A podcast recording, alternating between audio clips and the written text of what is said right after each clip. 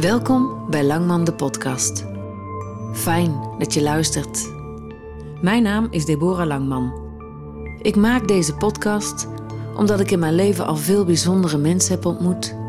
Mensen met een verhaal, een verhaal wat mij op verschillende manieren kon boeien, interesseren, choqueren, maar ook emotioneren.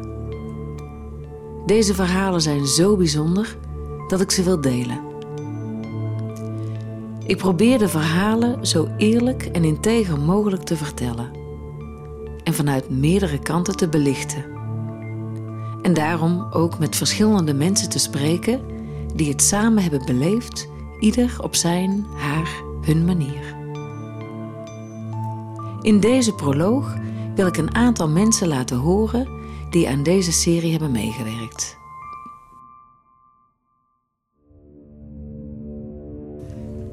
Deze tweede serie heb ik gemaakt omdat ik geraakt was door een artikel in een krant, ongeveer twee jaar geleden. Het was een interview met de ouders van het vermoorde peutertje Luna en hun au pair Ndui op 11 mei 2006 in Antwerpen. Ik kende het verhaal en heb destijds met mijn dochter meegelopen in de stille tocht die ter herdenking werd gehouden. We waren diep onder de indruk. De moeder van Luna, Laurence van Bree, deed in dat interview onder andere de uitspraak: Hans van Temse kan mij mijn kind afnemen, maar niet mijn leven. Vervolgens zag ik op Facebook een emotioneel bericht voorbij komen waarin Luna en de verschrikkelijke dag 11 mei 2006 werden herdacht. En daarop reageerde Laurence toen met de woorden: Ik ben zo blij dat er nog aan Luna wordt gedacht. Deze vrouw wilde ik spreken. Via een vriendin van mij, die op Facebook bevriend is met Laurence, heb ik gevraagd of zij eens wilde polsen of ik contact met Laurence mocht opnemen om een podcast te maken. Binnen een week werd ik teruggebeld door Laurence zelf. Ik mocht langskomen om met haar terug te blikken op deze dag. Een dag die begon zoals alle anderen.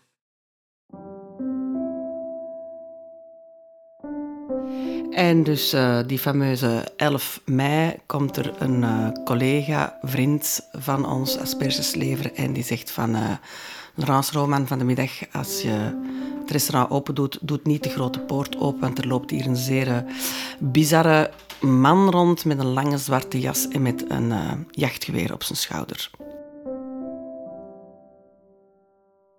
Kom ik eraan, ik zie een ziekenwagen en ik zie uh, rechts het fietsje van Luna en een, uh, een wit laken op de grond. Een van de mensen die ik kon spreken was Wil Duis. Destijds werkzaam in de gevangenis in de Begijnenstraat in Antwerpen, waar Hans werd opgesloten in afwachting van zijn assisezaak. In België, Frankrijk en andere landen zijn er tot op de dag van vandaag assisenzaken. In Nederland zou je dat een juryrechtbank noemen. Het Assisenhof is bevoegd voor zware misdaden, zoals moord en gijzeling. Twaalf burgers vormen de jury, die daarmee een afspiegeling moet zijn van de maatschappij.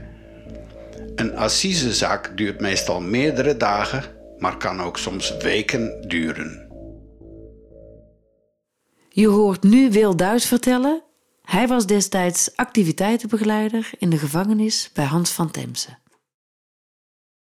Wat een, uh, wat een, gewone jongen dat het eigenlijk was. Uh, iemand die je gewoon in de bus uh, ziet zitten met een koptelefoon op. Uh, eigenlijk iemand, een puber, een nerd zoals ze tegenwoordig zeggen. Niet de moordenaar of de, de, de grote gek met een lange jas en een kaalgeschoren kop, die in de media uh, werd uh, omschreven. Dus het was wel eventjes, uh, ja, ook wel een beetje schrikken. ik had dat niet zien aankomen. Hij had veel angst, om, hij kwam ook niet buiten op de, op de wandeling. hij had schrik voor andere gevangenen die hem zouden, zouden aanvallen of lelijk geworden, wat natuurlijk begrijpelijk is, eh, gezien de omstandigheden. Ook nauw betrokken bij dit verhaal was Guillaume van der Stichelen, een goede vriend van het gezin. Op de dag van de moord van Luna en Dewey was hij zelf in New York. Hij vernam het verhaal over de moordtocht van Hans van Temse, dat er een peutertje en haar au pair vermoord waren, dat er een Turkse vrouw was neergeschoten die het overleefd had. Kort daarna werd hij gebeld door zijn vrouw, die hem het vreselijke nieuws bracht dat het hier om Luna en Dewey ging. Guillaume belde direct de vader van Luna op, zijn vriend Roman.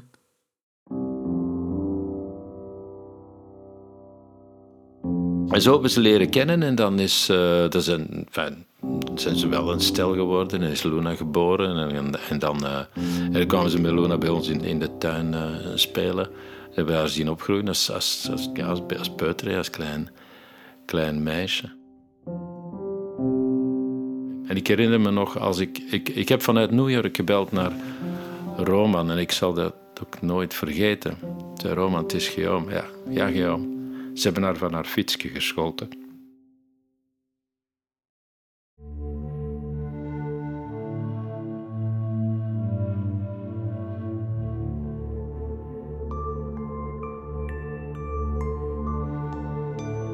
In de volgende afleveringen gaan we in gesprek met de verschillende betrokkenen.